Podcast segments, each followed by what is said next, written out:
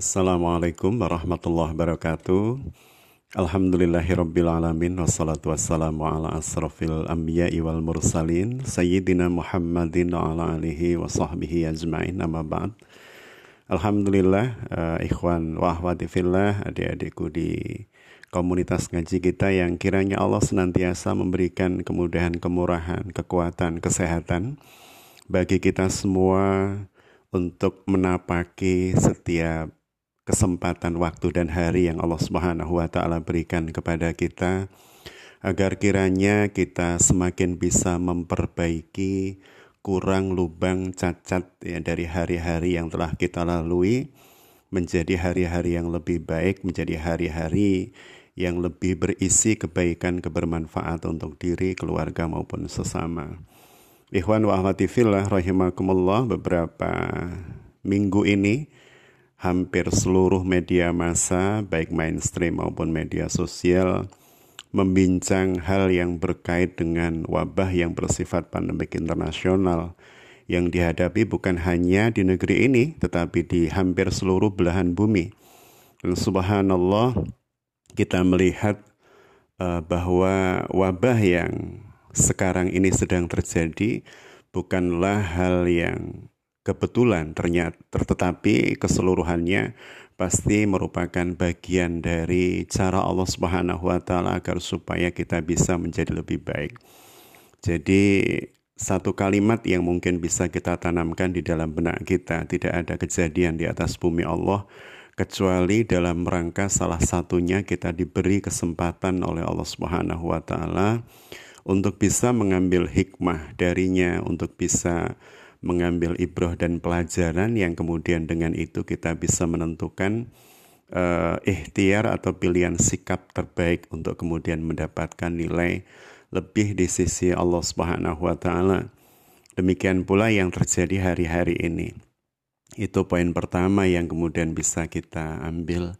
Yang kedua kita meyakini bahwa Islam adalah din yang syamilan wa kamilan dia adalah din yang sempurna dan paripurna. Artinya di dalam Islam diatur uh, keseluruhan kehidupan manusia dari hal yang paling ringan, paling kecil sampai hal yang sangat besar dalam kehidupan kita. Hal yang paling ringan misalnya memasukkan uh, tangan kita pada lengan baju misalnya kita pilih lengan baju sebelah kanan kita ucapkan basmalah atau yang lebih uh, yang lebih masyur gitu ya. Misalnya kita masuk ke toilet atau kamar mandi kita masuk dengan kaki kiri terlebih dahulu sambil mengucapkan Allahumma inni a'udzubika minal khubusi wal khaba'is ya. Dan seterusnya. Keluar dengan kaki kanan mengucapkan ghufranaka dan seterusnya. Uh, ini merupakan pertanda bahwa din kita al-Islam ini adalah din yang subhanallah luar biasa memiliki cakupan yang sangat luas dalam sisi ajarannya dari mulai hal yang sederhana sampai hal yang uh, sangat besar yang menyangkut kehidupan bernegara, yang menyangkut uh, perlindungan terhadap masyarakat, yang menyangkut uh, kredibilitas seorang pemimpin, yang menyangkut apa pun. Keseluruhannya ternyata Islam telah memberikan rambu-rambu aturan-aturan agar supaya manusia hidup dalam keselarasan keharmonisan yang dengan itu kemudian kita benar-benar bisa menjadi sebagaimana tujuan penciptaan yakni khalifah fil karena khalifah itu memiliki makna luas. Dia merupakan wakil Allah dalam rangka mengurusi ya wakilnya dalam tanda petik wakil Allah dalam rangka mengurus bumi ini agar supaya bisa memakmurkannya, agar supaya bisa memanfaatkan sumber daya alamnya untuk kepentingan seluruh umat manusia, bukan hanya kaum muslimin. Karena Rasulullah Shallallahu Alaihi Wasallam sendiri telah menyampaikan kepada kita semua tentang posisi dan kedudukan seorang mukmin di tengah-tengah manusia dengan kalimat khairun nas amfa'uhum linas. Yang terbaik di antara manusia adalah yang paling manfaatnya bisa dirasakan oleh manusia yang lain. Artinya dari sinilah kemudian kita mencoba untuk memeta diri, memeta potensi di tengah wabah COVID-19 yang sifatnya sudah pandemik uh, secara internasional ini agar kemudian kita bisa uh, menyalurkan ya potensi-potensi khusus yang diberikan oleh Allah pada setiap diri secara tepat, secara benar sehingga kemudian manfaatnya bisa dirasakan oleh diri kita maupun uh, masyarakat secara lebih luas dan itulah yang diambil porsi itulah yang salah satunya diambil oleh uh, ngaji kita dan kita sangat bersyukur atas itu. Kemudian yang uh, berikutnya firman Allah yang berkaitan dengan uh, bagaimana Allah Subhanahu wa taala menciptakan Rasulullah Shallallahu Alaihi Wasallam yang dengan ajaran berupa wahyu Allah yang disampaikan kepada Rasul melalui Jibril alaihissalam kalimat ini sangat masyur yakni wa ma arsalnaka illa rahmatan lil alamin dan tidaklah Allah Subhanahu wa taala mengutus ya Rasulullah sallallahu alaihi wa alihi wasallam kecuali beliau diposisikan sebagai rahmat bagi seluruh alam. Artinya baik Rasulullah maupun ajaran yang beliau bawa itu jika kemudian kita sebagai pengikut Rasul mampu menduplikasi mengkopi itu ya apa yang telah dilakukan oleh Rasul dalam rangka untuk mensejahterakan bumi ini eh, dan kemudian kita terapkan dalam kehidupan di berbagai masa dan berbagai tempat kita meyakini maka dengan itulah kemudian alam semesta ini bisa mendapatkan rahmat dari Allah Subhanahu wa taala. Artinya sebagai seorang muslim tak layak kita membatasi rahmat kita bagi sesama muslim saja tapi seluruh alam semesta. Kemudian yang ketiga berkaitan langsung dengan uh, wabah COVID-19 ini. Ada mungkin pertanyaan apakah yang seperti ini pernah terjadi di masa Rasulullah Shallallahu Alaihi Wasallam atau di masa para sahabat radhiyallahu anhum ajmain. Jawabannya adalah pernah. Ya, pernah. Dan pernahnya di mana? Di masa Rasul atau masa sahabat? Lebih tepatnya di masa sahabat ketika kehalifahan kaum muslimin dipegang oleh Sayyidina Umar ibn Khattab radhiyallahu an. Jadi seperti yang kita faham ketika Rasulullah Shallallahu alaihi wasallam wafat, maka urusan kepemerintahan, kemasyarakatan, kerakyatan tetap kemudian harus berjalan, sedangkan kenabian dan kerasulan sudah ditutup karena Rasulullah adalah khotamul anbiya wal mursalin. Beliau memang uh, didesain oleh Allah Subhanahu wa taala sebagai penutup para nabi dan rasul serta penyempurna ajaran-ajaran sebelumnya. Sehingga setelah meninggalnya Rasulullah Shallallahu Alaihi Wasallam tidak ada nabi dan rasul lagi. Ya tidak ada nabi dan rasul lagi. Tapi kan umat harus ada pemimpinnya. Maka kemudian sebagai pemimpin umat sebagai seorang kalau sekarang mungkin presiden raja atau perdana menteri yang menggantikan Rasulullah dalam urusan keumatan dipilihlah oleh umat waktu itu di sebuah tempat yang bernama Sakifah Bani Sa'ada kalau hari ini berupa sebuah taman yang bisa kita lihat dari pintu 25 Masjid Nabawi. Tempat itu dulu adalah tempat pembaiatan pertama sahabat Abu Bakar Ashidik radhiyallahu an menggantikan posisi Rasul sebagai kepala pemerintahan. Dua tahun Abu Bakar As-Siddiq memerintah kaum muslimin atau menjadi pelayan umat karena dalam Islam konsep kepemimpinan itu adalah konsep pelayanan. Jadi Abu Bakar As-Siddiq radhiyallahu an selama dua tahun lamanya memimpin kaum muslimin dengan uh, apa dengan pilar-pilar ya dengan sendi-sendi pengaturan atau kepengaturanan umat bersandar pada apa yang sudah dicontohkan oleh Rasulullah Sallallahu Alaihi Wasallam.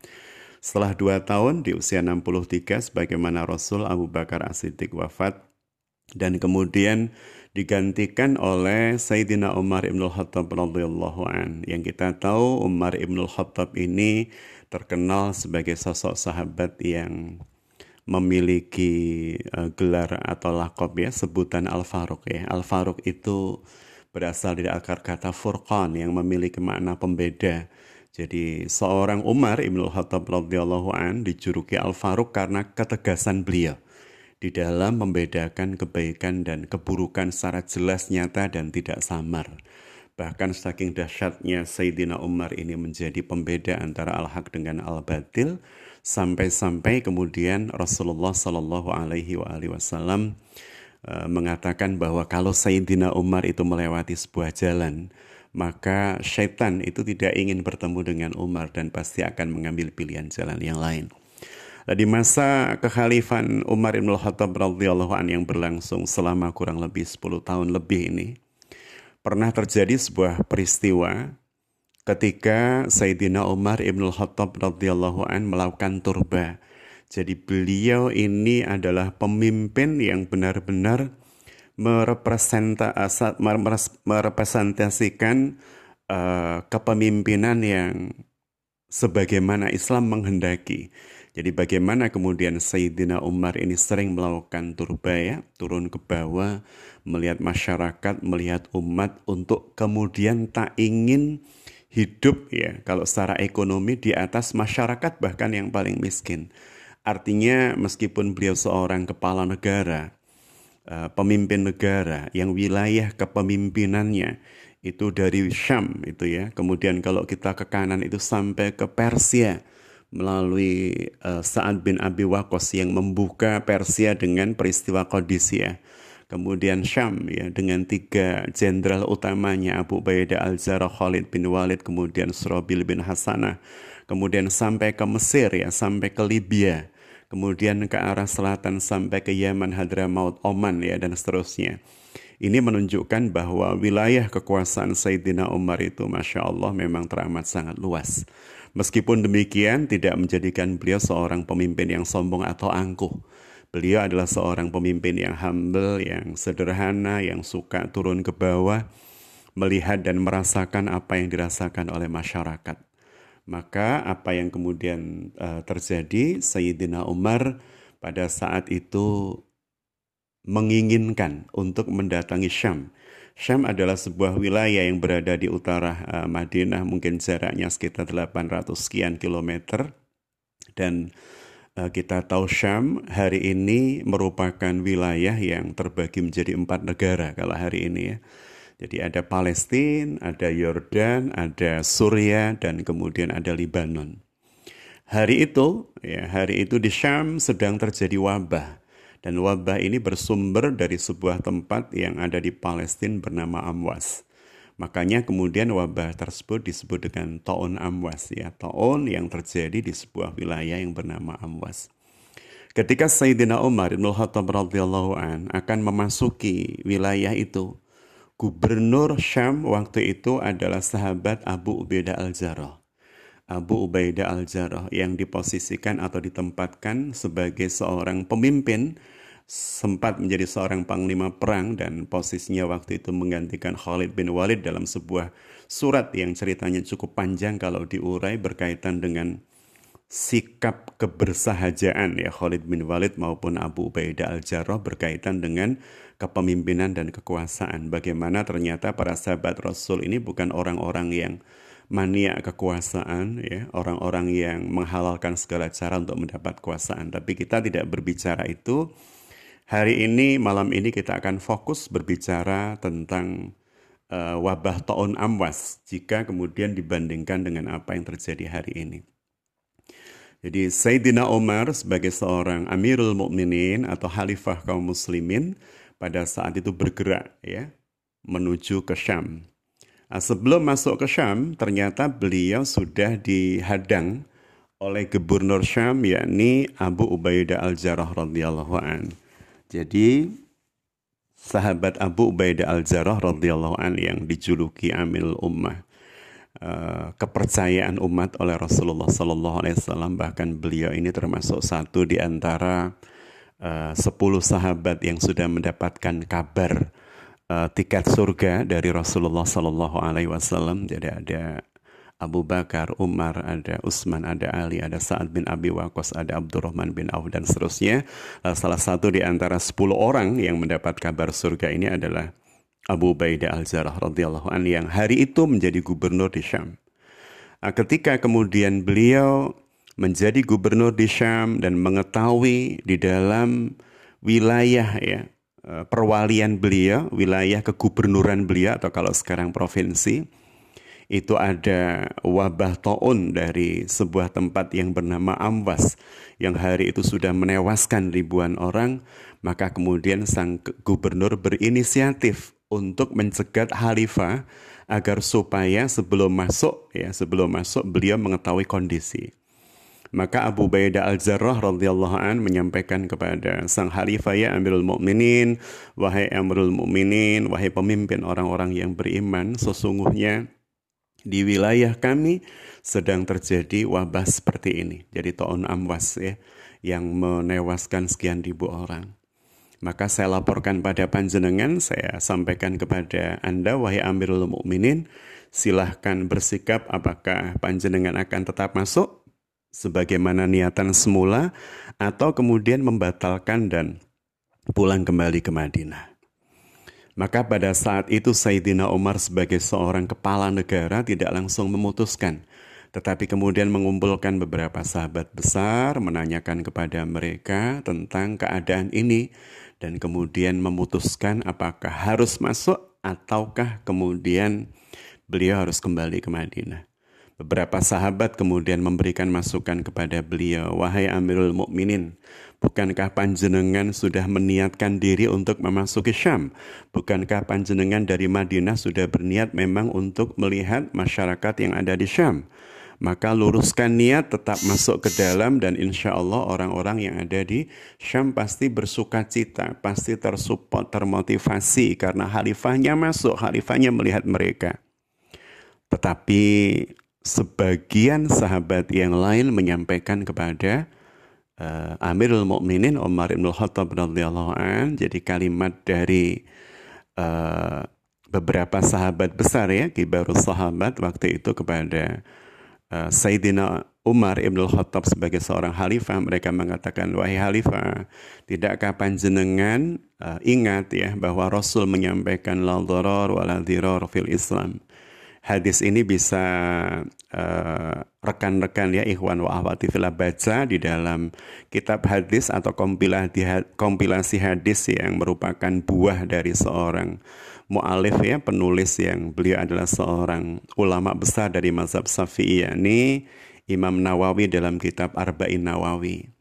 Jadi bagaimana kemudian uh, di dalam hadis tersebut Rasulullah Shallallahu Alaihi Wasallam menyampaikan di dalam Islam tidak boleh ada yang bahaya dan membahayakan.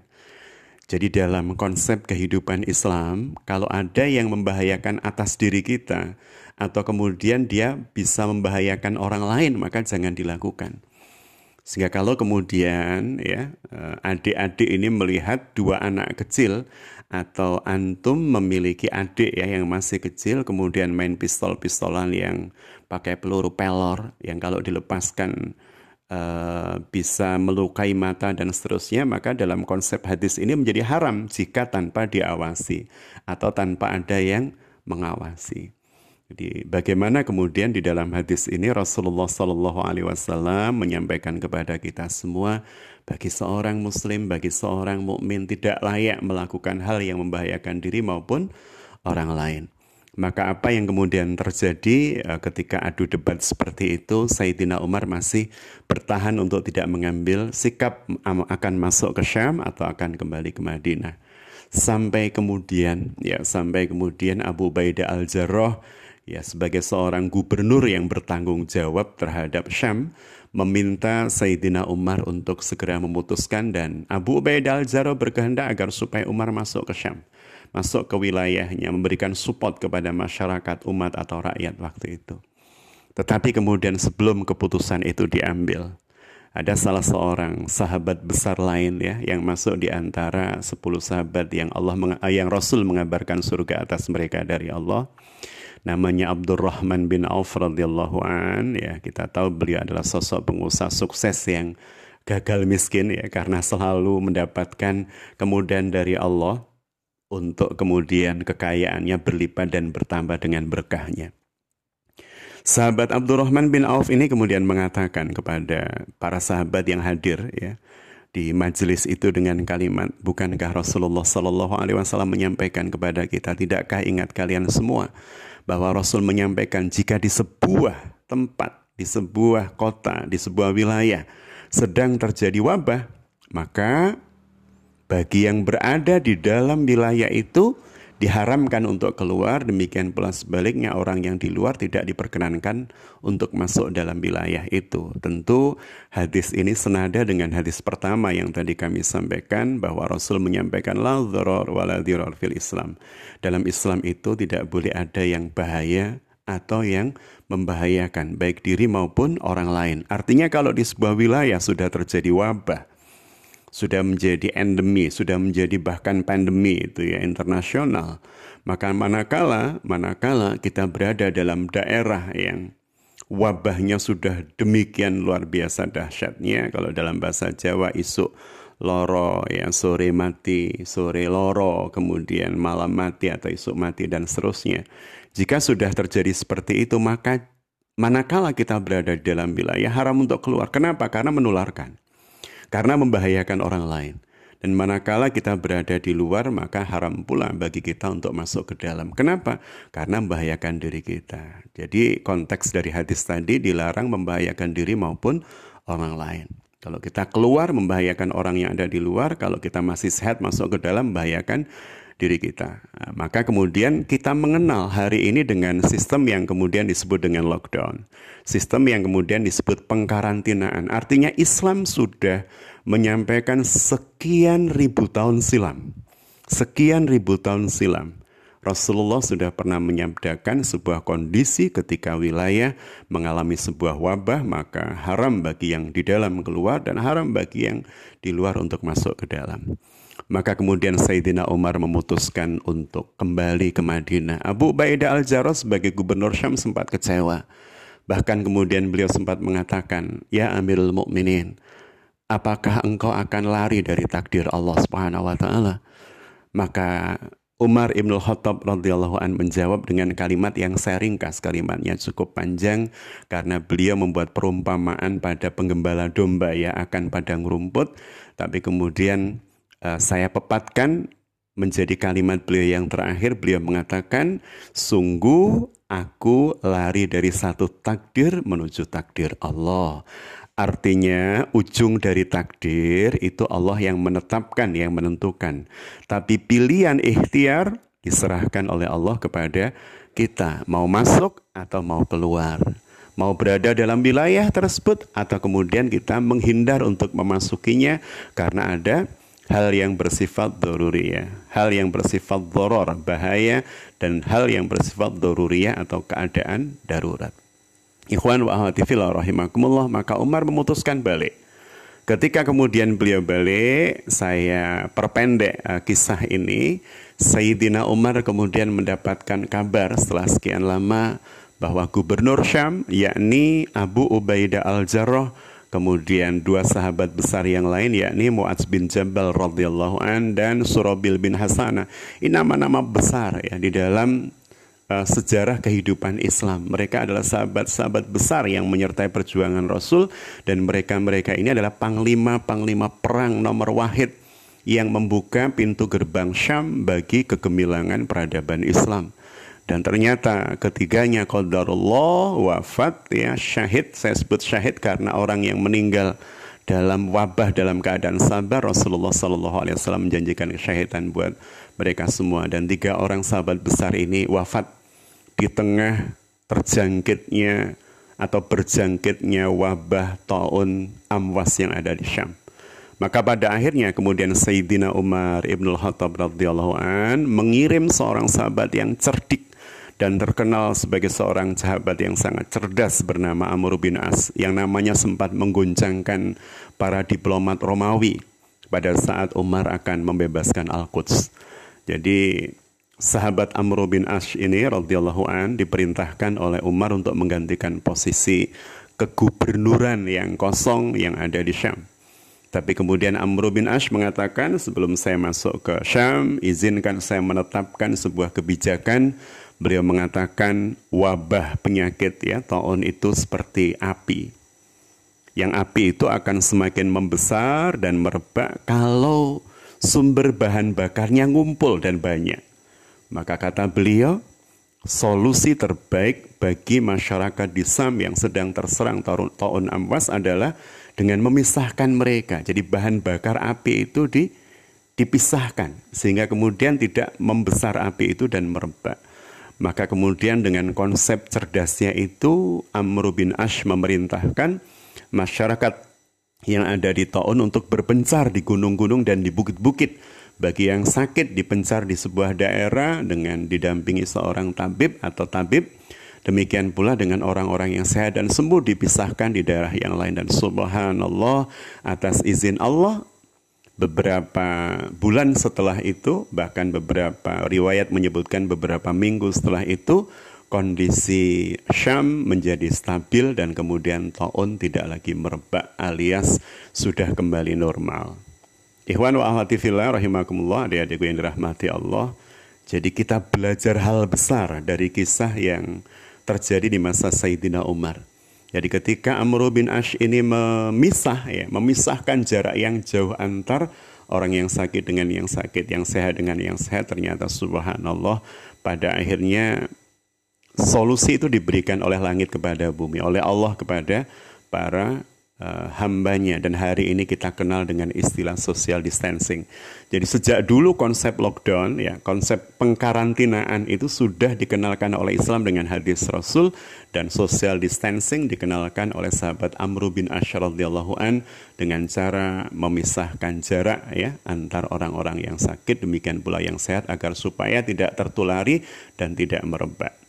Ikhwan wa rahimakumullah ini menunjukkan betapa komprehensifnya Islam mengatur kehidupan manusia sampai pada hal yang hari ini baru terjadi. Dan dulu sempat terjadi dan Islam sudah uh, memberikan solusi terbaiknya dengan pengkarantinaan dan dengan penjaga jaraan dengan sistem lockdown atau karantina wilayah atau apa pun namanya. Kemudian yang kedua adalah social distancing, yakni menjaga jarak agar supaya uh, wabah itu tidak mudah merebak dan seterusnya. Jadi ini gambaran-gambaran yang berkaitan dengan kehidupan para sahabat ya, yang kemudian kita bisa ambil ibrohnya hari ini dan yang menjadikan mereka tetap tangguh ya, tetap tangguh menghadapi keseluruhan ujian adalah kesabaran, kemudian penerimaan atas takdir Allah Subhanahu wa taala, yang ketiga keyakinan atas pertolongan Allah Subhanahu wa taala dan yang keempat terus melakukan pilihan-pilihan ikhtiar terbaik untuk mendapatkan takdir terbaik dari Allah Subhanahu wa taala. Maka semoga kita semua antum saya, kita semua ya seluruh kaum muslimin atau bahkan seluruh uh, umat ya yang ada di negeri ini dan berbagai belahan bumi yang lain kita berharap uh, terlindungi oleh Allah Subhanahu wa taala. Terus lindungi kita dengan doa-doa yang Rasul sudah menyebut sebagai silahul mukmin. Senjata orang-orang beriman terus kita baca Allahumma inni a'udzubika minal baras wal junnun wal juddam min syai'il asqam.